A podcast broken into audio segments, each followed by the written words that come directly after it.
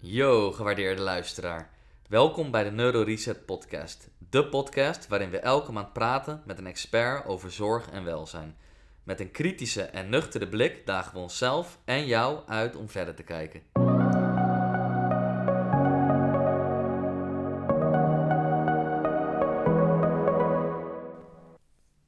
Ja, ja, dit was alweer de derde Neuroreset Fysiotherapie podcast. En vandaag hebben we de eer aan dokter Stefan Breugem. Hij is orthopedisch chirurg bij de Bergman Clinics en specialiseert zich vooral in de knieën en dan ook vooral in artrose en de zogeheten kunstknie. Ik denk dat het weer een hele leerzame podcast is. Mocht je nou meer informatie willen over dit onderwerp, dan kun je altijd een gratis afspraak inboeken via onze website www.neuroresetfysiotherapie.nl. Veel luisterplezier.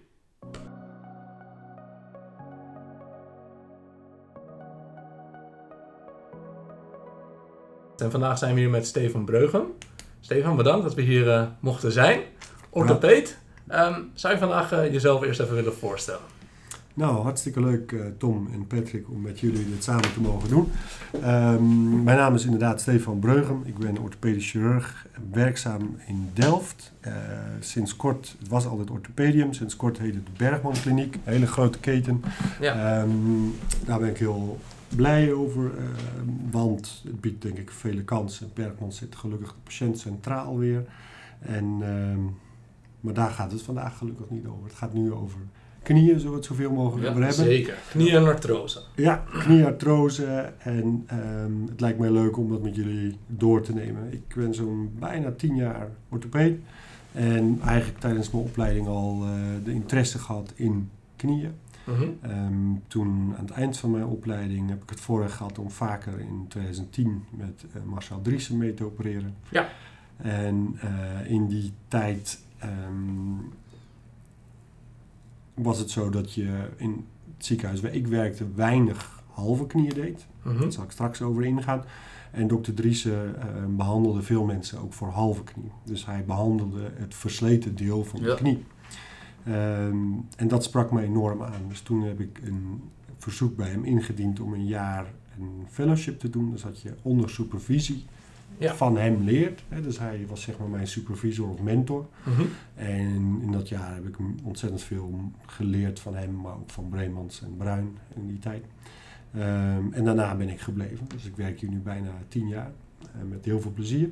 Het is een kleine kliniek. Uh, we noemen het een focuskliniek in de zin dat je hierin met een klein team werkt. Dat iedereen, uh, je kent iedereen bij naam. Mensen mm weten welke patiënt past bij mij, welke patiënt past bij mijn collega's. En um, als ik opereer, kan ik mij werkelijk focussen op mijn knie.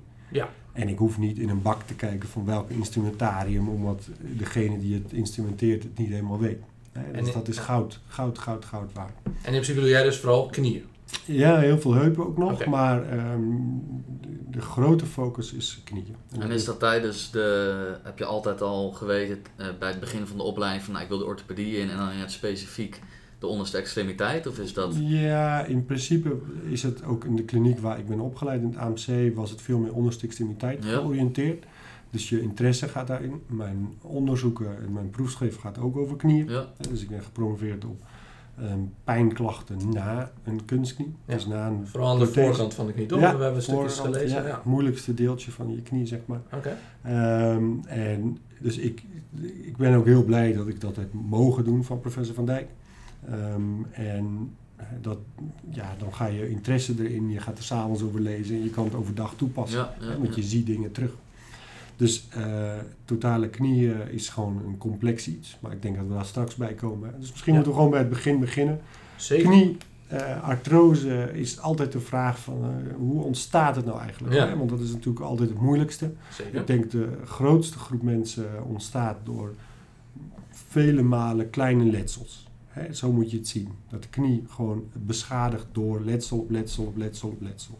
De grote groep waarbij, uh, wat wij artrose noemen, is ik denk in Nederland nu zo'n 4% van de bevolking. Ik denk dat er rond, uh, ja, er zijn getallen die zeggen dat er uh, zelfs onder ouderen is het 20%, 18% van de bevolking. Dus okay. we praten echt over een, een, grote groep van ruim 1 miljoen Nederlanders die daar last van hebben. Wereldwijd nog vele malen groter. Mm -hmm. um, artrose ontstaat natuurlijk als je links aan het spectrum kijkt, is het gewoon je meniscusletsel. Daar begint het eigenlijk bij. Dus echt trauma's. eh, Trauma. door- ja. Sportletsel. ehm, en er is een, absoluut een grote groep waar het aanleg is. Hè. Dat je, in sommige families zie je gewoon meer schade dan in andere families. Ja. In families zijn het veel meer heupproblemen. Nou, en je ziet gewoon dat mensen, en een klein groepje heeft heup en knie. Ik denk dat in mijn patiëntenpopulatie is verreweg de grootste. Ruim 90% is gewoon de klassieke artrose. Langzaam steeds erger. Mhm. Het begint met symptomen eh, van Mhm. stoppen met hardlopen, dat soort dingen. En op een gegeven moment lukt lopen niet meer, die nachtpijnen. Hè, Ja, en dan, dat is de klassieke symptoom. Dan is er een andere groep, dat is de reuma-groep. Hè, daar is het veel meer dat de slijmvlies in je knie ontstoken is. En daardoor de knie gaat slijten. Hè, dus je krijgt eigenlijk een soort destructie van het kraakbeen. Door het slijmvlies. Dus dat is echt een moeilijke groep, omdat het eh, op celniveau eigenlijk gaat. En dan krijg je natuurlijk de traumagroep met fracturen, breuken en daarna artrose. Ja. Dus dat is nog kleiner. Ja, omdat dus operaties en dat de kans vergroot dat je uiteindelijk artrose krijgt. Ja, en die drie groepen hebben ook echt aanmerkelijk grote verschillen in de, eh, in de uitkomst van een nieuwe knie. oké. Dus dat is ook een belangrijk iets om te bespreken met een groep. Ja, want wij lazen ook dat statistisch gezien, zeg maar, eh, je naast de vergrijzing natuurlijk een deel van dat steeds meer mensen artrose krijgen kan verklaren. Ja. Maar dat dat niet helemaal alleen maar weg te schrijven is aan eh, vergrijzing, zeg maar. Nee, Zijn er nog andere, ja, misschien leefstijlfactoren of zo, dat mensen, misschien obesitas of dat soort dingen. zeker. Een hele Die dan- belangrijke. ja. Dus, Vooral in Amerika is dat natuurlijk echt een heel groot probleem. Eh, In Nederland hebben we nog een redelijk gemiddeld BMI. Maar in Amerika is het natuurlijk schrikbarend en in andere eh, landen natuurlijk ook. Eh, maar gewicht heeft zeker een rol. eh, eetgewoontes, eh, we weten ook voeding heeft waarschijnlijk een hele belangrijke rol. Oké, En dat gaan we natuurlijk straks bespreken in het conservatieve deel. Van, Mhm. het effect van de supplementen, oké. groenlipmossels of Ja. glucosamines. Ehm, maar ook wat doe je met je knie? Hè, als je stopt met bewegen en je hebt een slechte knie, wordt de spierkwaliteit minder. Ja, En ga je eh, natuurlijk nog meer last krijgen van je artrose. Ja. Dus, en wat voor beweging is dan belangrijk? Hè? Dus daarin kan je ook zeker een aantal dingen eh, bekijken van als conservatieve deel wat een artrosepatiënt kan doen. Ja. En ik denk ook dat dat het belangrijkste is.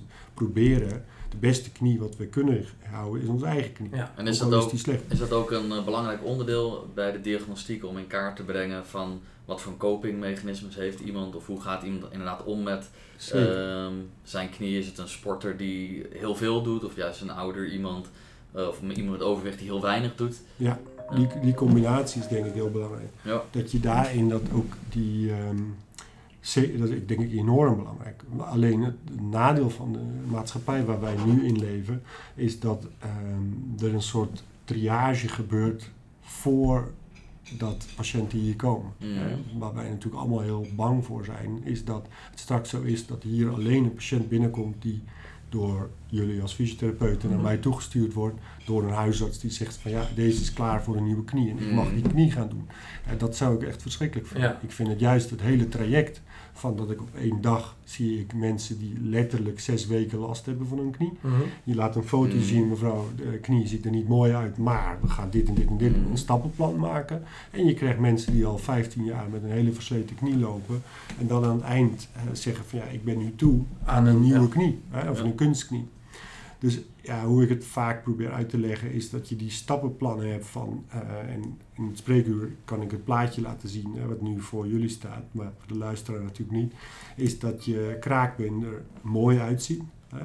Dan is het gemiddeld waar je geen last van hebt. Nou, dat is Mhm. meestal, als je de kraakbeenschade eh, gaat krijgen, dan begint het natuurlijk bij graad 1. Waarbij graad 1 de schade is waarbij de gemiddelde persoon geen last heeft. Graad Mhm. 2 is het eigenlijk jouw hardloper. Mhm. En dat is ook een klassiek verhaal. Dat mensen zeggen, vroeger kon ik 20 kilometer lopen, hardlopen. Ja, en die graden gaan dan vooral over de mate van hoeveel slijtage. Ja, kraakbeenschade kraakbeenschade. dus. Dus het is een eh, gradatie. En voor de mensen die erover gelezen hebben, Calgren Lawrence is één Ja. gradatie die we vaak gebruiken. Niet heel betrouwbaar, maar het is, je hebt iets. Ja. Het gaat om een handvat.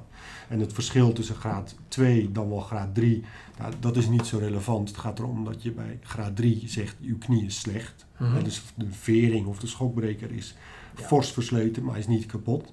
En graad 4 is het kale bot waar we het over hebben. Hè? dan is de kraakbeen gewoon weg. Het dus weg, die hè? opvanglaag die is er eigenlijk niet Ja. En dat belangrijk is, het, het kraakbeenlaag zit er geen zenuw in. Mhm. Dus als je gewoon zou leven, en daarom zeggen heel veel mensen met een slechte knie, fietsen gaat prima, maar Ja. lopen niet. Want fietsen is één keer je lichaamsgewicht. Ja. Dus dat is ook eh, een, wat mensen zelf vertellen. Dat ze zeggen van joh, hardlopen lukt al jaren niet meer. Lopen gaat, maar ik kan niet te ver lopen. Een stok geeft daarom verlichting. Hè? Want je schokbreker, demping, je verlicht hem gewoon. Ja. Door wat te steunen op een stok of een kruk. Nou, zo is het ook bij graad 3 is het zo dat de schokbreker bedekt nog wel de zenuwen. En daarom lig je meestal niet s'nachts wakker. Oké. Hè? Dus de, het kraakbeen is er nog, maar je kan niet einde lopen. En bij graad 4 liggen de zenuwen bloot, want dat zit onder het kraakbeen. Hè? Dus dat is een beetje vergelijkbaar met een gat in je kies. Als die eh, een gat in zit, dan weet je ook van ja, nu heb ik gewoon dag- en nachtpijn. Ja, hij wordt altijd getriggerd eigenlijk. Die Altijd zenuw wordt getriggerd, altijd die die ligt, hij ligt Ja. bloot. Hè? En zijn er nou dan ook dus mensen met een graad 3 of een graad 4 ehm, ehm, kraakbeen schade, die ehm, eigenlijk weinig tot geen beperking hebben, omdat ze bijvoorbeeld inderdaad van nature al ehm, actiever zijn of misschien eh, sterkere spieren rondom zo'n knie hebben? Absoluut. En, de, en het mooiste voorbeeld is vaak de tuinders Mhm. en de veehouders. Hè? Ja. Die, die, die kunnen niet weg van hun tuin. Die Ja, kunnen niet weg van hun... Ja. Dus die gaan vaak heel lang door. Mhm. En die lopen op een ontzettend versleten... Ik zeg niet iedereen, hè, maar het is Mhm. de groep zeg maar, van niet zeuren doorgaan. Ja. En ja, dat is natuurlijk vaak ook de ouderen. Ja, Die eh, pijn als het ware kunnen wegcijferen. Mhm. Die lopen vaak met extreem slechte knieën. Ja. En zeggen van ja, ik heb niet zoveel pijn, maar ik zak er doorheen. Of mijn been staat zo Ja. krom dat ik eigenlijk niet meer kan lopen. hè. Dus dat is natuurlijk zeker, en dat is natuurlijk interessant naar aanleiding van jullie vorige podcast. Over pijn is het natuurlijk ook zo. We weten ook dat sommige mensen zie je een Mhm. hele kleine beschadiging, maar die hebben Enorm veel pijn. enorm veel pijn. En anderen hebben een fors versleten knie en zeggen ja, ik zak er doorheen of ik kan mijn knie niet Mhm. vertrouwen, maar ik heb niet zoveel Hij is een pijn. beetje stijf, maar... Maar ja, nou dus dat is natuurlijk het bijzondere aan pijn. Oké, dus eh, zoals wij het nu goed begrijpen, zijn er dus eigenlijk drie categorieën van oorzaken. Toch? Is er eentje waar meer het slijmvlies van de knie geïrriteerd is? Ja, Eentje waar echt door trauma meer komt. Dus als iemand eh, door zijn knie is gegaan of een meniscusruptuur en dat soort dingen.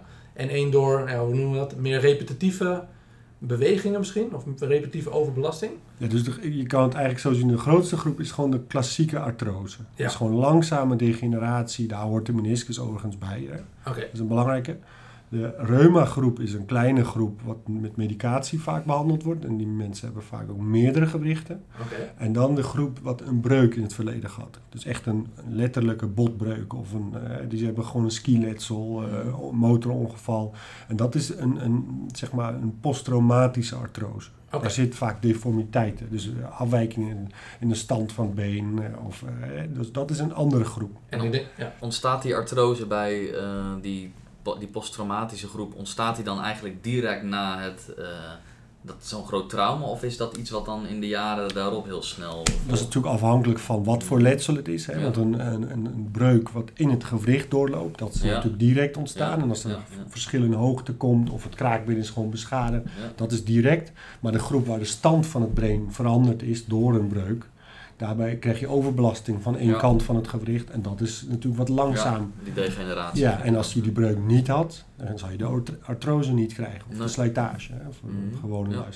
Ja. En hebben mensen in die drie verschillende, ah ja, ik weet niet of je dan echt kan eh, categoriseren, maar hebben ze dan ook echt ander soort klachten of uit het zich wel Ja, allemaal in de dezelfde? reuma-groep heeft iets vaker forse zwellingen, iets vaker forse, eh, warme, dikke knieën. weet je, dat, dat dat iets duidelijker is. Ja, het zijn echt meer die De ontstekingsverschijnselen. ontsteking, ja. klopt. Ja, dus alle verschijnselen van de ontsteking. En eh, de andere twee groepen is veel meer milde zwelling, afhankelijk van de activiteit, weet je, daarin. Ja. Maar ik ken artroseknie gaan ook fors zwellen. Hè. Er kan Ja. ook veel vocht in zitten. En hoe maak je dan de, die Foto's, differentiatie tussen foto's, foto's? vaak. Ja. Hè, dat helpt je in het verhaal. Hè. Ja. Het verhaal blijft altijd heel belangrijk. Ja. En symptomen zijn natuurlijk nachtpijn op een gegeven moment, wel of niet. Eh, hoe ver kan je lopen, eh, wel of niet. Kan je nog hard lopen? Ehm, eh, gebruik je pijnstillers? Gebruik je een wandelstok? Weet je, dat zijn eigenlijk jouw anamnese dingen. Schiet je op slot? Ehm, is er, heb je effect van een brace bijvoorbeeld, eh, wel of niet? Dus dat zijn al dingen die mee beslissen in jouw hele workup. Waar Ja. staat iemand in de hele behandeling? Ja. Nou, verreweg de grootste groep mensen kan je gelukkig nog conservatief behandelen. Hè? Dus dat eh, houdt in dat je de activiteiten gaat aanpassen. Iemand die nog graag hardloopt, zal je zeggen van joh, het mag. Maar Mhm. wat voor techniek doe je met hardlopen? Of gebruik je met hardlopen? Ren je op je voorvoet? Of land je nog steeds op je hak? Eh, zorg voor je ondergrond, zorg voor je schoenen. Maar hardlopen is per definitie een zware sport. Mhm. Eh, Ja. acht tot tien keer je lichaamsgewicht wordt Ja. gezegd. Ehm, eh, pivoterende sporten, voetbal, korfbal, hockey, dat zijn onvoorspelbare sporten voor knieën. Hè? Want dat draaien met belasten, dat is natuurlijk wat het gevaarlijk maakt, Ja. die sporten. Want daardoor is dat broze kraakbeen, belast je axiaal en dan draai je Ja. ook nog en dan krijg je vaak meer schade. Of, Onder hoge impact. ja, impact. Dus springen, landen hè, en het voor onvoorspelbare van dat iemand zijn been uitsteekt en je valt Ja. eroverheen. Hè. Dus dat, dat is waarom sporten zoals voetbal over het algemeen niet gaat met een eh slijtende knie. Oké. Ehm, de symptoom van nachtpijn is altijd een grote discussie. In mijn opleidingstijd was nachtpijn een soort must voordat je een behandeling mocht zetten. Tegenwoordig is het niet meer. Hè? Want eh, je, aanleiding van Cheese verhalen ook van wat, voor- wat voor zenuwbanen zet je open hè, om het eh, in het volksmond te zetten. Mhm. Wat voor verbinding wordt er gemaakt met pijncentra ergens. Hè? Ja. Ehm, als je al nachtelijke pijnen krijgt. Dus moet je daarop wachten? Dat is, ja, dat is een beetje moeilijk antwoord. Ja, als het er is, is het vaak wel iets dat je zegt van oké, hij heeft zelfs al nachtpijnen, dus dan ga je makkelijker kiezen voor de volgende behandelingsoptie.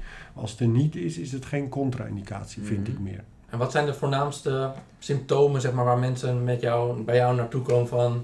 ik heb hier last van en dat dat dan uiteindelijk artrose in de knie blijkt? Wat, wat herkennen mensen het meeste? Toch de pijn. Pijn denk ik is by far de belangrijkste. Hè? En dat is pijn die zich uit met belasten vooral. Dat is de groep aan het begin. En de groep die al nachtelijke pijn heeft, dan zie je toch dat, er- of een rust al pijn heeft, dan is de artrose wat verder. Eh, andere symptomen zijn natuurlijk moeilijk lopen, dat ze door het been zakken, ehm, ehm, hulpmiddelen nodig hebben, brace of een wandelstok of zelfs een rollator of eh, nog, nog eh, een rolstoel. Ehm, en de andere symptomen is vaak dikke knieën, hè, dat ze daar pijn van hebben, eh, van de zwelling en eh, warm. Dus ja, functiebeperking. Hè, dus dat Ja. de stand van het been eh, afwijkend is. ehm, dat de knie niet meer kan strekken, niet meer kan buigen. Ja. Dus En- dat zijn een beetje je symptomen wat je ziet. Dus, En is, eh, want ze zegt toch ook wel dat dan ochtendstijfheid? ja, hele En die belangrijk. dan langer dan een uur duurt of zo, dat, of tot een uur duurt, dat dat dan vaak ook gerelateerd is aan... Artrose Ja. en bij reuma is het vaak wat langer. Ja. En dan eh, meerdere gewrichten. Natuurlijk, polyartrose bestaat ook nog. En dan heb je meerdere gewrichten. En dan heb je de reumatische groep. En dat is nogmaals, dat zijn, dan doen vaak ehm, ja, heel veel gewrichten mee. Oké. En hoeveel mensen komen hier die ehm, nog niet elders gezien zijn bij een fysiotherapeut of zeg maar dat traject nog niet gedaan hebben, die hier echt voor het eerst komen? Nou, ik denk dat de meeste mensen die hier komen, hebben wel een traject van een therapie gehad. Eh, Huisarts. Huisarts Ja. geeft Ja. toch vaak fysiotherapie Ja. of, eh, om het te proberen. Want het is vaak een visueuze cirkel waar patiënt in zit. Hè. Een, een mens komt met pijn, hij gaat niet meer hardlopen. Hè. Ja. Dan gaat hij wandelen, dus hij wordt minder actief. Als hij dat wandelen ja. ook pijnlijk wordt, hè, dan gaat hij nog minder actief. Dus je spierkracht neemt af. Mhm. Ja. En daardoor kom je in een vicieuze cirkel van minder pijn, eh, of meer pijn, Minder minder, beweging. Ja. Eh, worden de spieren slapper, ga je nog minder doen, krijg je nog meer pijn. Weet je, dus je gaat in een spiraal naar beneden. En door therapie, hè, en wat voor vorm Mm. dan ook, zelf of bij een therapeut, Ja. eh, kom je er toch vaak weer uit dat spiraal. Als de artrose niet te heftig is, hè, Ja. of als het niet te laat is. En dus daarin is het misschien ook slim om over de eh, conservatieve behandeling te praten. Is eigenlijk een heleboel dingen. Is dat je aanpassen van je belastingspatroon, hè, wat we het net al over hadden. Ja. Daarin winnen heel veel mensen. Hè, dus zeker de knieschijfartrose is ook een grote groep, een moeilijke groep. Mhm. Want de knie zelf functioneert prima. Dus als mensen als het ware als een, eh, met een stijf been zouden lopen, kunnen ze heel lang door. Ja, Maar het opstaan, trappen lopen, het fietsen tegen de wind, dat gaat gewoon niet. als er kracht op moet Ja. worden gezet dan... En bij eh, die groep zou je dat soort dingen adviseren. Denk aan een elektrische fiets. Ja. Probeer de trap te vermijden. Weet je, ga liever met de lift. eh, Mhm. en loop op een andere manier, recht toe recht aan. Ga Mhm. niet op ruiterpaden lopen. Dus dat zijn de dingen die een patiënt zelf kan doen. Ja. Nou, de uh, fysiotherapie is daarvan denk ik een hele belangrijke. de stok, de brace, dat zijn hulpmiddelen. Het is niet om het op te lossen, maar dat geeft je gewoon adem, zeg maar. Hè. En dan komt het natuurlijk om de hoek kijken van de pijnstillers. Hè. Als het kan, een paracetamol of een NSAID, bijvoorbeeld ibuprofen of naproxen. Nou, we hebben het, jullie hebben het vorige keer over groenlipmossel gehad. Hè. Dat is natuurlijk iets wat we niet veel over weten. Nee. Maar er schijnen heel veel ontstekingsremmers in te zitten. Dus er zijn genoeg patiënten die zeggen dat het goed werkt. Ja, Grote studies laten het nog niet zien, in mijn beleving. Hetzelfde met glucosamine, uh, laat het ook niet uh, evident zien. Maar ik heb genoeg patiënten die zeggen: dokter, als ik ermee stop, dan voel ik meer pijn. Dus is het placebo, is het niet? Dat is het moeilijke. Kijk, als iemand het financieel kan betalen, dan zeg ik, van, nou, u mag het van mij doen. Hè. Dat, daar ben ik niet tegen. in ieder geval geen uh, tegen. Zover we weten niet, nee. En ik zie hier ook wel een interessante staan, er staat gewichtreductie. We hadden laatst een post gemaakt, wat was nou weer? Elke kilo was een aantal, volgens mij elke 10% de gewichtsverlies. Ja. Was een aantal, uh, nou ja, in ieder geval in, in pijn en functie, uh, dat mensen daar echt uh, profijt van hadden. Er was een heel groot onderzoek geweest daarin. Ja. en is het die gewichts, gewichtreductie is dat dan puur het mechanische van er staat minder druk op een gewricht? Of heeft het ook te maken met dat um, uh, wellicht door, door mensen naar een gezonde BMI te krijgen, dat die uh, anti-inflammatoire, um, dus de, die, die, lichte, die lage graadse inflammatie, ontstekingen, dat die afneemt, waardoor ook misschien een gewricht uh, minder snel pijn gaat doen of ja, beter belastbaar wordt? Waarschijnlijk om gewichtsreductie te bereiken, ga je mhm. meer bewegen. Ja. ja. En waarschijnlijk is het wat je zegt. Dus, mhm. want het is niet zo dat als mensen 30 kilo afvallen, dat ze dan geen pijn meer hebben. Nee. Die gewricht, het gewricht blijft slecht. Hè, als die mhm. versleten is of bijna versleten is. Maar het scheelt natuurlijk, wat je weet, is uh, één keer, uh, als je fietst is het één keer je lichaamsgewicht. En als dat 100 kilo is, is het 100 kilo. Als je natuurlijk 160 weegt, dan is dat, en als je loopt is het twee, drie keer je lichaamsgewicht. Nou, dat is toch 100 mm. of 160 kilo. Dat maakt nogal uit. Nee? Dus dat is die gewichtsreductie als uh, hele belangrijke mm. onderdeel van het begin. En je had het over die uh, eh, NSAID's, dat die ook nog wel eens geadviseerd worden. Ja. Um, Wat zijn NSAID's? Ja, dus ibuprofen, diclofenac is eigenlijk de, wat de meeste mensen kennen. Hè? Dus dat werd heel veel vroeger gebruikt, of nog steeds. Naproxen is eh, mm. een middel die we nu veel gebruiken. Celebrex is iets wat in opkomst, of nee, wat ik graag geef. Ehm, maar het zijn allemaal broertjes van elkaar. Mm. En bij de een werkt de een beter dan de ander. Maar wat dat doet, is, is een ontstekingsremmer. Dus het zorgt ervoor dat je de lokale ontsteking wat de kop indrukt. Dus je lost niet het probleem op, maar je onderdrukt de symptomen. En is dat, um, hè, vanuitgaande artrose natuurlijk een chronische aandoening. Ja. Ehm, dus dat zou eigenlijk betekenen dat je die dan voor een langere tijd moet slikken? Of wordt, uh... maar die artrose is natuurlijk ook vaak een golfbeweging. Er zijn heel veel mensen die hebben, afhankelijk van het weer, afhankelijk van de, uh, wat ze gedaan hebben. Wat je vaak hoort is dat mensen geholpen hebben met een verhuizing van hun kinderen. Of uh, ik moest plintjes schilderen. Of ik heb in de tuin geklust. En dan dat ze het functioneel in kunnen zetten. Nou, als ik weet van ik heb een dag Dat ook, maar ook als ze het overbelast hebben. dus dat je buiten je boekje ging. Hè? Want je belastbaarheid van die knie is minder geworden worden. Het is helemaal niet erg om een keer, hè, in Italië hoor je het ook veel als mensen na de zomer, dan heb je ook zo'n groep die veel te veel uh, in de heuvels gewandeld hebben of trapje op, trapje af. Hè, en, uh, en, dan hebben ze het ook weer overbelast. En als ze dan een korte periode weer een brufen nemen of iets, in combinatie met weer meer trainen, bewegen. Dus die brufen zorgt dat symptomen omlaag gaan, daardoor krijg je iets meer ruimte in je bewegingstraject. En dan kan je weer uit dat vicieuze cirkel komen. Hè. Daarna is natuurlijk de groep waarbij uh, wat veel discussie in de wereld ook over is, is zijn de injecties. Mm dat zijn eigenlijk in mijn beleving op dit moment drie grote groepen. Cortisone is de bekendste, belangrijkste denk ik op dit moment nog.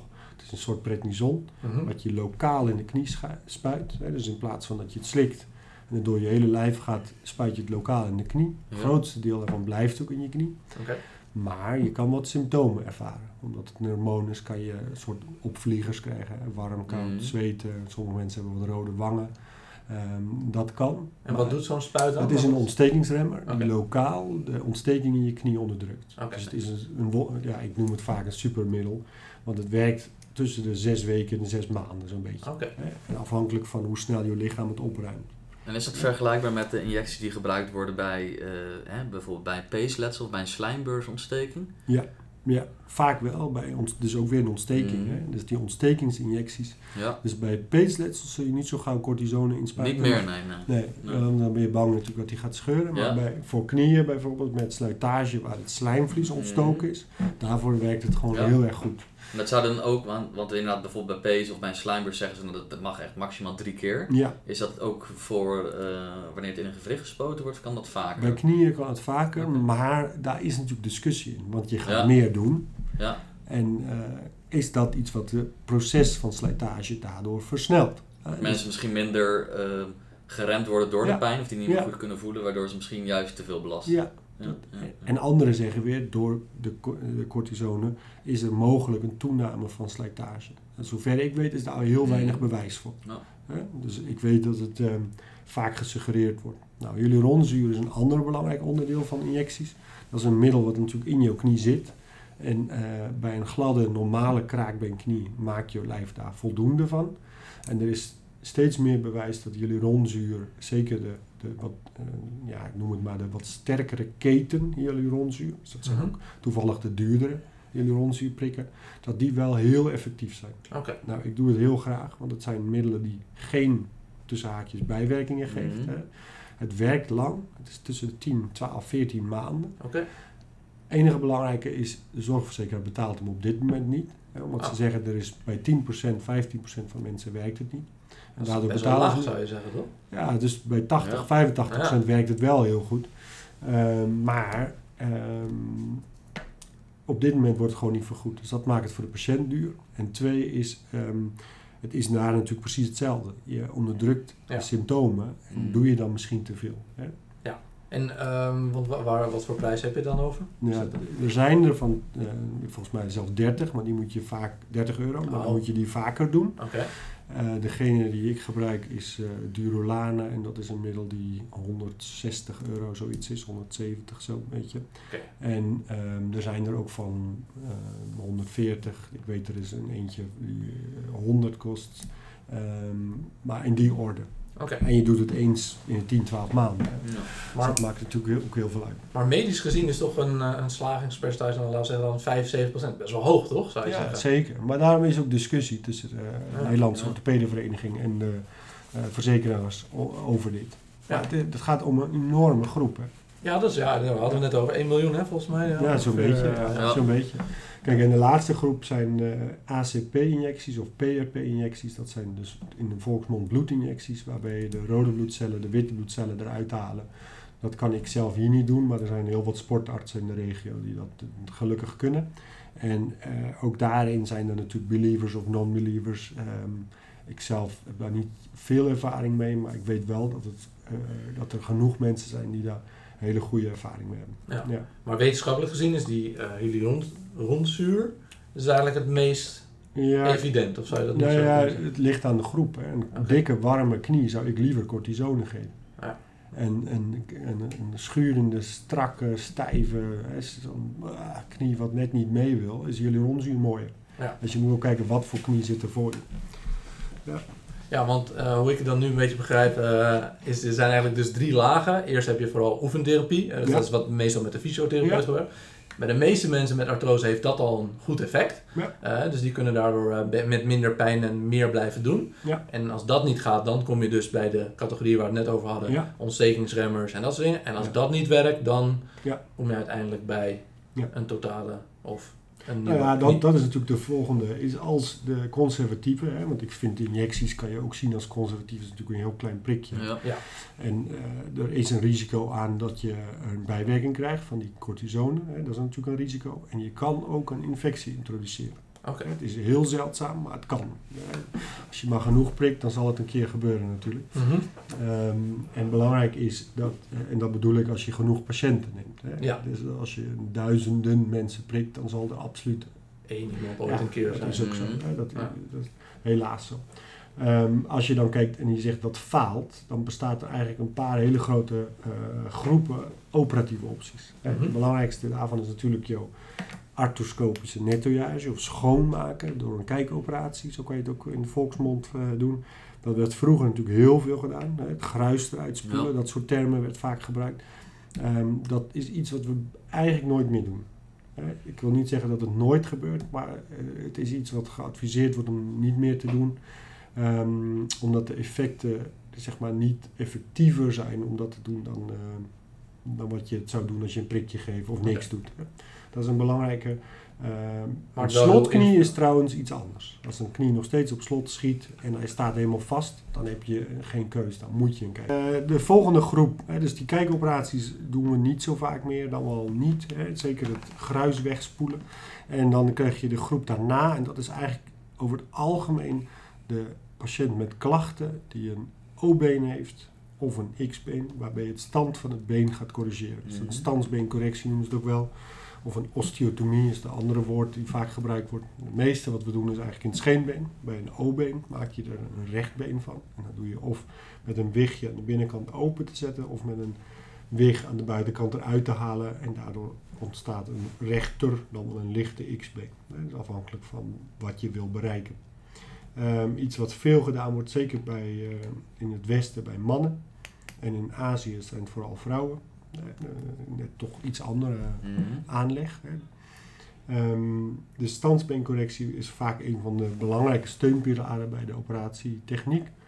Dan kom je bij een van mijn stokpaardjes, zijn de halve knieën. Ehm, de halve knieën is iets wat wij vrij veel doen ehm, bij eh, patiënten waarbij de slijtage aan één zijde van de knie zit. Nou, Mhm. voor- Voor de luisteraar is het natuurlijk moeilijk. Heel vaak, ik denk dat 50% van mijn knieën die ik hier zie, ehm, is de slijtage zit die aan de binnenzijde van de knie. En is daar een verklaring voor? Eh, veel meer O-been. De meeste belasting gaat door de binnenzijde van de knie. Oké. Ehm, ja, in het kort is dat het eigenlijk. Hè, dus, en dat was ook een grote frustratie voor mij tijdens mijn opleiding. Dat je bij de meeste knieën wat we verrichten, of ruim de helft, was de slijtage aan één van de twee compartimenten. En dan ging je alles in de knie vervangen. Ja. Daar had ik heel veel moeite mee. Ehm, en nogmaals, toen kwam ik bij Driessen en daar zag ik dat hij vaak eh, alleen de zijde vervangt wat versleten is. Nou. Dat heeft natuurlijk menig voordeel. Eén, een kleiner sneetje. Twee, een snellere revalidatie. Drie, eh, voelt veel natuurlijker aan. Hè. De Mm. knie is, Is je hebt veel minder metaal. Dus Ja. je houdt je kruisbanden. Ik denk dat dat een van de grootste voordelen zijn. Hè, want je kruisbanden geeft je ook feedback. Ja. Dus eh Proprioceptie, proprioceptie ja. gevoel. Mhm. Van waar sta ik in de ruimte, hoe loop ik. En dat is eh, goud waard. Bij een kunstknie, een hele kunstknie, is dat niet. Hè, bij, eh, eigenlijk de meeste systemen wat we tegenwoordig gebruiken, gaan allebei de kruisbanden eruit. Soms de achterste. En eh, heel soms laten we eh, de twee kruisbanden zitten. Maar dat is nog een minimale groep mensen waar we dat kunnen doen. Oké. Ja. Dus bij de halve knie spaar je dus de zijde wat niet is aangedaan. Je spaart de kruisband, je spaart de knieschijf. Ehm, en dat voelt dus veel natuurlijker aan dan bij een hele knie waar je eigenlijk alle botvlakken vervangt. Dus een hele knie vervang je het scheenbeengedeelte, hè, het, Mhm. bovenste, het dek van het scheenbeengedeelte en de onderkant van het bovenbeengedeelte vervang je met kunststof. En dat eh, is door vaak metaal in het bovenbeen en polyethyleen daartussen hè, als eh, glijlaag. Ehm, en tevens was dat ook het grootste probleem van kunstknieën, want het glijlaag ging slijten. Het polyethyleen of plastic. hè. In het volksmond deed het vaak het plastic laagje. Dat ging slijten na 10, 15 jaar. Daar komt het ook vandaan dat mensen altijd zeggen om de 10 Ja. 15 jaar. Ja. Ja, en toen was het, helemaal in het begin was het zo dat je dan alles eruit moest halen. Mm. Tegenwoordig is het vaak alleen dat ik regelmatig knieën van Driessen van 15 of 20 jaar geleden vervang ik alleen het lager. Dus alleen het plastic glijlaagje haal je eruit. Nou, voor de, de luisteraar is het moeilijk, maar dit witte laagje haal je eruit, klik je los en je klikt een nieuwe ertussen. Die weer op spanning is.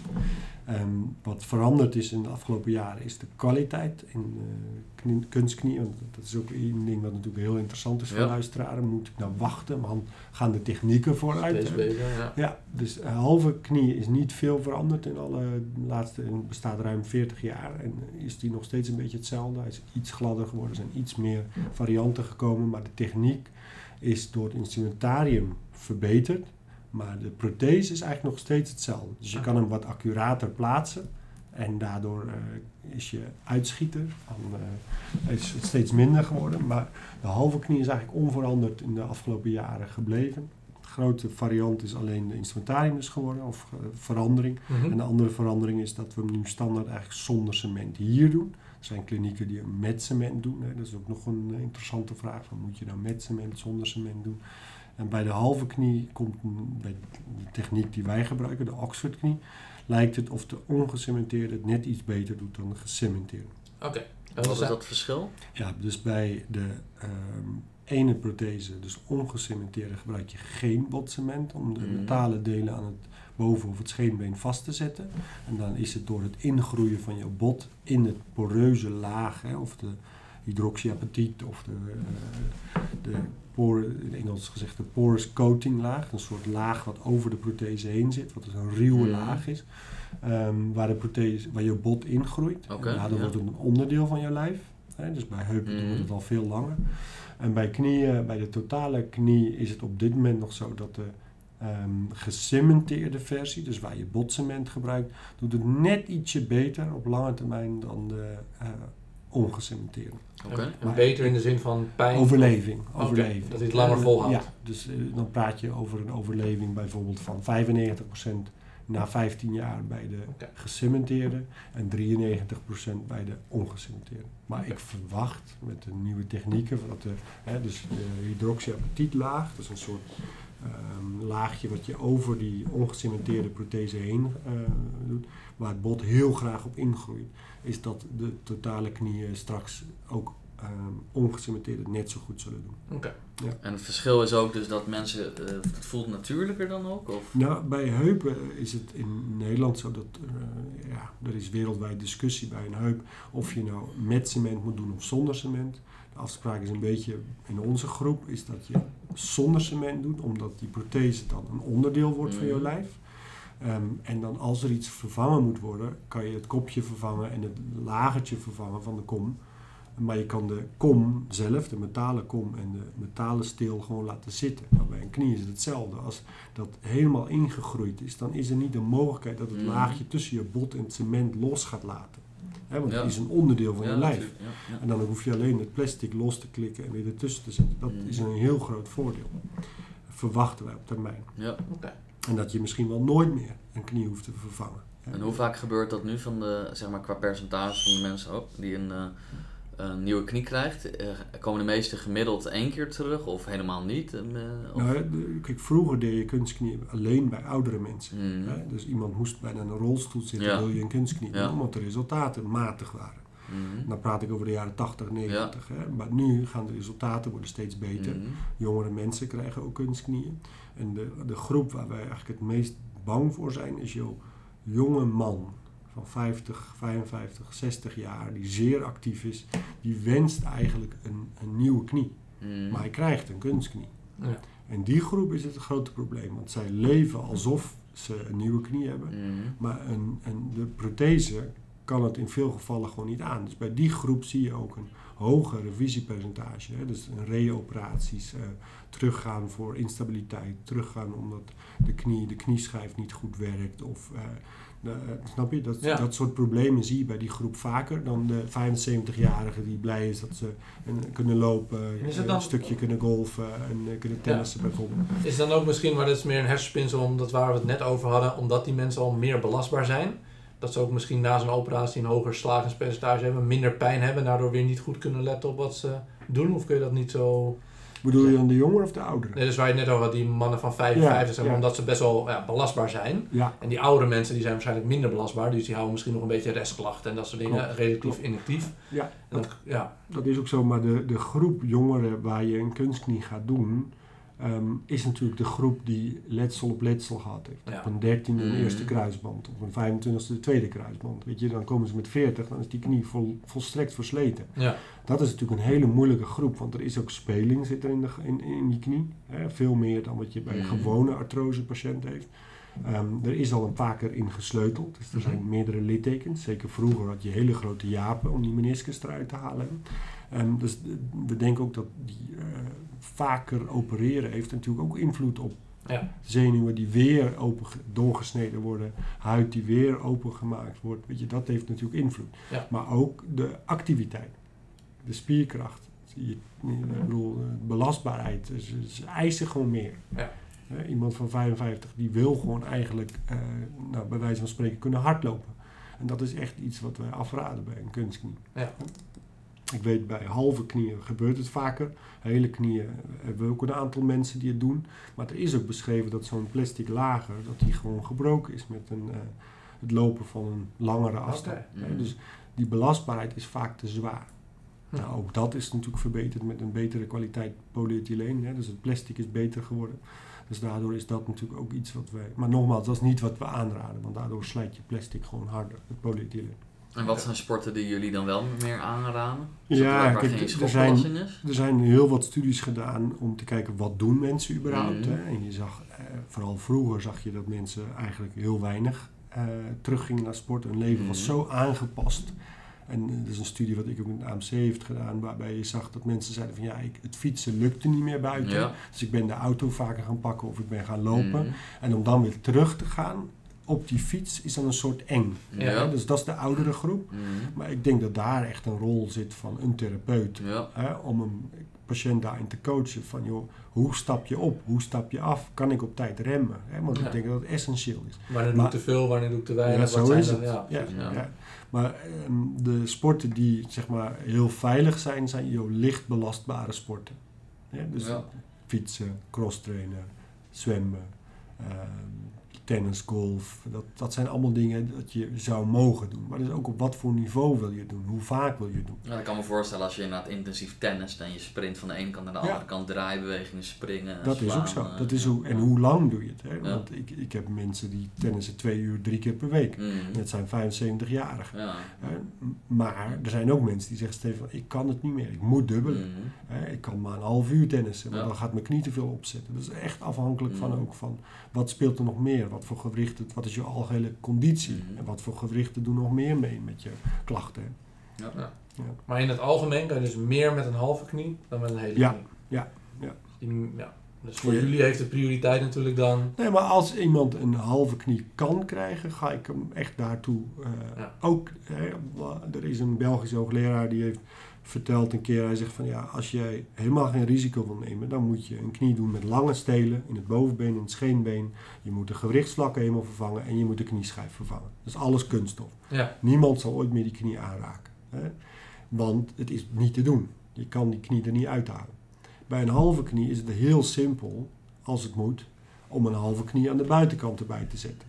Of een nieuw lagertje erbij te stoppen. Of als het moet, kan je die halve knie eruit halen en doe je dan een nieuwe knie. Dus dat is een groot verschil. Bij een hele knie kan je het lager vervangen. En je kan de knie als geheel natuurlijk nog een keer vervangen. Maar het wordt wel moeilijker. En de drempel voor een orthopeed bijvoorbeeld om dat nog een keer te doen is, is, zou, is, is veel lager om een hele knie te vervangen dan om een halve. Dus als je tien patiënten hebt met eh, pijn van een halve knie, zal waarschijnlijk zes elders ergens in de wereld vervangen worden. En als je tien patiënten met pijn heeft van een hele knie, zal er één of twee Ja. iets mee gebeuren, omdat het moeilijker is. hè. Ja. Dus dat, is, dat maakt het de bias. En dan toch, mijn collega dokter Driessen zei altijd van ja Stefan, je moet gewoon kijken wat voor die patiënt het beste is. En als je je laat leiden, dat je zegt van ja, ik geef hem toch maar een hele knie, want ik ben bang dat hij misschien gereviseerd wordt, doe je patiënten niet. Ja. Hè, dat- dat- dat- je geeft hem niet de optimale behandeling. En het is niet fout om een hele knie te doen. Hè. Je moet er ook echt in geloven. Je moet het ook kunnen. Het is een Mhm. technisch lastigere ingreep of lastige ingreep om te doen. Je hebt ervaring nodig.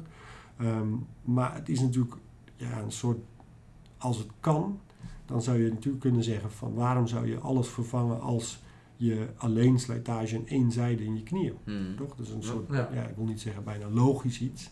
Ja. Ja, en dan is er een, een groter risico dat hij misschien eerder vervangen moet worden, maar hij voelt wel veel natuurlijker aan. Mhm. En het is, ook, nou, het is relatief goed te doen om dat dan weer te Ja, vervangen. maar Dus het dat is natuurlijk, je wil dat iemand levenslang met een knie doet. Het liefst Ja. wel. Dat is dan- Ja, dus Ja. Dat, dat is eigenlijk waar je naartoe wil. Nou, dus overleving hadden we het al een beetje over, hè, dat het bij knieën eigenlijk tussen de, nou ja, boven de 90% is voor 10, 15 jaar. Overleven niet van het individu, maar van de knie. Van de knie, Ja, ja, de prothese. Dus, Ja, ja, dus ja. dat in eh, 10 van de 100 is Ja. er iets mee gebeurd. Maar 90 zit hij er nog in. Nou, dat is best wel hoog. Ja. Dat is echt supergoed. Dat is een En- hoog percentage. Ja. En is er bekend wat de, eh, na een operatie, wat de rol van bewegen is bij die overlevingskans? Dus Ja. Ehm, enerzijds kan je zeggen van je wilt voldoende bewegen om de spieren rondom zo'n knie sterk te houden en belastbaar. Ja. Ehm, maar misschien dat hier er ook wel mensen komen die zeggen van nou, eh, als die nieuwe knie erin zit en ik eh, werk mijn verplichte revalidatie af en daarna ga ik lekker gewoon eh, Ja. met de voetjes omhoog zitten en Ja. die knie zo min mogelijk belasten. Is het dan dat die knieën juist langer meegaan, omdat ze minder belast worden? Of omdat het juist korter, omdat mensen er heel weinig doen, inactiever worden en misschien dat dat complicaties geeft? Ja, dus een hele goede in de zin, eh, je kan eigenlijk niet een eenduidig antwoord Mhm. geven, maar de trend was om te zeggen, doe maar zo min mogelijk. Ja. En daar zijn we echt een beetje van af. Mhm. Hè, dus er zijn echt zoveel studies die laten zien van regelmatig bewegen is goed voor je algehele gezondheid. Ja. En daarom ga je natuurlijk vaker iemand helpen. Ja, je wil hem weer terughelpen uit de rolstoel, Mhm. terughelpen van zijn krukken. Ja. Weet je, dat hij in de maatschappij komt, aan het werk gaat. Want daar, Mhm. daar hebben we het ook nog niet over gehad. Mhm. Hè, dat je kijkt van, je kan iemand wel heel lang zeggen, je mag niet ehm, bijvoorbeeld een injectie doen. Of bijvoorbeeld eh, behandelingen doen en ik blijf met die artrose lopen. Maar als die daardoor niet kan functioneren, Ja. dan is het misschien op dit moment voor iedereen makkelijker dat die persoon thuis zit of niet zijn werk kan doen. Maar voor de maatschappij heeft het natuurlijk een enorme impact. ja, zeker. Als mensen nog 20 jaar moeten werken eigenlijk. Dat is ook zo, ja. En als je hem daarmee kan helpen, dat hij weer kan werken, dan eh, zegt dat natuurlijk ook heel veel. Ja. Ehm, we hebben het nog kort gehad over mm, wat jullie mij ook vroegen, helemaal een paar weken geleden, dat je zei, Patrick, van ehm, even terug naar de diagnostiek. Ja. Daar, daar hebben we het ook nog over gehad, over die Mhm. MRI's. Hè? Ja, Dat je zei van tegenwoordig gebeurt het steeds vaker dat mensen een MRI krijgen en dan wordt er iets op gezien. ja, dat is een beetje die, die format, uh, noemen Ja. ze dat, eh, die, Ja. eh, hoe, Ja. wat zeggen ze dan? Fear of Nee, het is, ehm, shit, nou ben ik het vergeten. Victim of... Victim je bent een of victim. Modern Image Technology. Ja, maar dat is Ja. ook zo. Hè? Ja. Dat is mijn hoogleraar, de oude hoogleraar Obaas, die heeft net ehm, een artikel nog geschreven dat hij schrijft van ja, tegenwoordig gaan heel veel mensen voor zo'n total body scan. En dan Ja. zie je bijvoorbeeld een artrose van een heup Ja. of van een knie. Maar je hebt daar Het helemaal wordt echt afgeraden hè, om te doen volgens Ja, mij. ik, ik zou het niet zomaar afraden. Als mensen echt heel angstig zijn, kan je het Ja. doen. Maar wat ga je doen met als je vindt van mijn knie is versleten of Ja. ik heb een, inderdaad een letsel. En je hebt er geen last van. Je hebt er geen last van. Ja. Ga je er last van krijgen omdat je weet dat het er zit? Dat is natuurlijk altijd heel moeilijk eh, aan te raden. Over het algemeen is bij de artrosepatiënt nog steeds de gewone röntgenfoto de meest betrouwbare. Als die het niet laat zien is er, en je ziet iemand die met een rolstoel binnenkomt of twee krukken, dan is de MRI heeft die zeker een plek of CT of SPECT-scan of dat soort dingen. Maar de verreweg grootste groep kan een röntgenfoto eigenlijk bij iedereen laten zien. Oké. Ja, dus dat wou nog even bespreken. Eh, zijn er nog dingen die vergeten zijn of dat jij nog wil bespreken? Ehm, Revalidatietraject, waar je het nog over hebben? Nou ja, het is wel interessant misschien om eh, voor jou inderdaad eh, te horen van hè, eh, wat zijn dingen waar mensen rekening mee moeten houden daarna inderdaad. Hè? Ja. Als ze een operatie hebben ondergaan, wat best wel een heftig iets is. Ja. Eh, ja, wat moeten ze dan doen, Ja, behalve naar kijk, de fysio? kijk, wat heel veel mensen onderschatten, en ik, ik denk ook dat, ehm, ik vertel het ook vaak hier, is zeker bij knieën, eh, heup is toch iets anders, maar bij knieën is het vaak zo dat in het begin is er gewoon veel zwelling, pijn. Hè, dus dat je Mhm. pijn moet je zien weg te werken. En dat is voor jullie ook het moeilijkste, een dikke, Mhm. gezwollen knie. Hoe pak je hem aan? Mhm. Hè, Ga je juist trainen of ga je juist niet trainen? Ik denk dat je, het belangrijkste is dat je binnen de zone moet blijven van waar je patiënt in zit op dat moment. Hè. Dus je moet beginnen met bewegen, Mhm. met pijnstillers vaak. ehm, en dat bewegen houdt in, bij de een zal gelijk naar de 90 graden gaan en de andere zal je echt moeite moeten doen om dat te bereiken. Ja, Hè. Het, toch? Het is, Ja. dat is iets wat jullie herkennen. Ja. Dat je zegt van vocht is toch iets wat je moet wegwerken. Hè. Mhm. Eh, en vaak is dat door bewegen. De kuitspier eh, Ja. te activeren, bovenbeenspieren te activeren. ehm, licht buig, strekbewegingen maken. Je voet bewegen. Je voet eleveren, het voet koelen, hè, of je knie koelen met een Mhm. cold pack of ehm, iets soortgelijks. Ehm, maar voor jullie is het natuurlijk de, de, bewaking van hoe ver mag ik gaan. Ja. Ook met doorbewegen. Want hoe ver kan je doorbewegen en wanneer? Dus dat is echt, volgens mij is er nu een richtlijn, zijn ze nu aan het schrijven. Ja. van, eh, hoe, en wat adviseren we straks aan de gemiddelde kniepatiënt. Ja. Eh, En ook qua hoeveelheid pijn, wat je, niet per se een klein beetje pijn voelt, is vaak niet eens een probleem, maar nee. hoe, dat, hoe mensen dat het beste kunnen inschalen En de nareactie. En de nareactie ook Ja. heel belangrijk inderdaad. Ja, want dat, dat is echt die eerste zes weken echt heel wisselend bij mensen. Er zijn echt mensen die al na twee weken op de fiets zitten. En bij een halve knie zie je dat iets vaker Mm. hè, dan een hele. Maar bij ehm, ja, de hoeveelheid zwelling en bloeduitstorting, wat er wel of niet is, bepaalt heel erg in het begin wat jullie twee kan doen. Hè, wat Mhm. je als patiënt kan doen.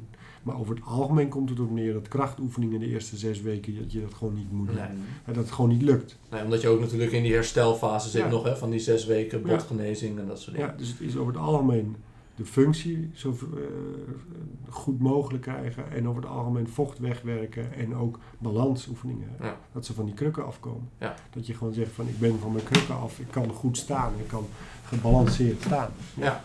Dus het is En- eigenlijk ook moeilijk om te voorspellen hoe het er, ehm, herstel van iemand gaat zijn. Ja, over het algemeen kan je eh, wel een grote inschatting Mhm. maken door te horen van hoe anderen, Ja. eh, hoe ze letsels hebben opgepakt. ehm, Mhm. Hebben ze zwaar suikerziekte, hebben ze zwaar reuma, is het ook vaak moeilijker. Hè? Mhm. Dus knieën zijn vaak stijver Ja. bij een suikerpatiënt. Ehm, ja, maar dat is zeker moeilijk Ja. te voorspellen. Want ik heb vorig jaar had ik dan een, eh, eh, weet ik nog een patiënt die had al eerder een keer de linkerknie gehad. En dat was eigenlijk, nou, die was er doorheen gefloten zoals ze het zelf benoemde. Ja. En nu was de rechterknie gegaan en dat herstel ging dat toch voor haar gevoel veel moeizamer. Ja. Ehm, ja, dus dan ontstaat er bij zo'n patiënt twijfels hè, en die is toen teruggegaan.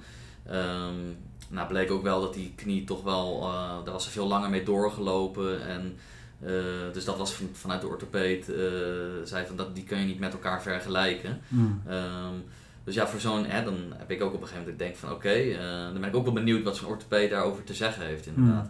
Maar dat is natuurlijk ook wat wij eh, bij Chi hoorden. Hè? Mhm. Dat je zegt van, als je op een gegeven moment is er natuurlijk iets kapot. Ja. Je gaat het vervangen. Mhm.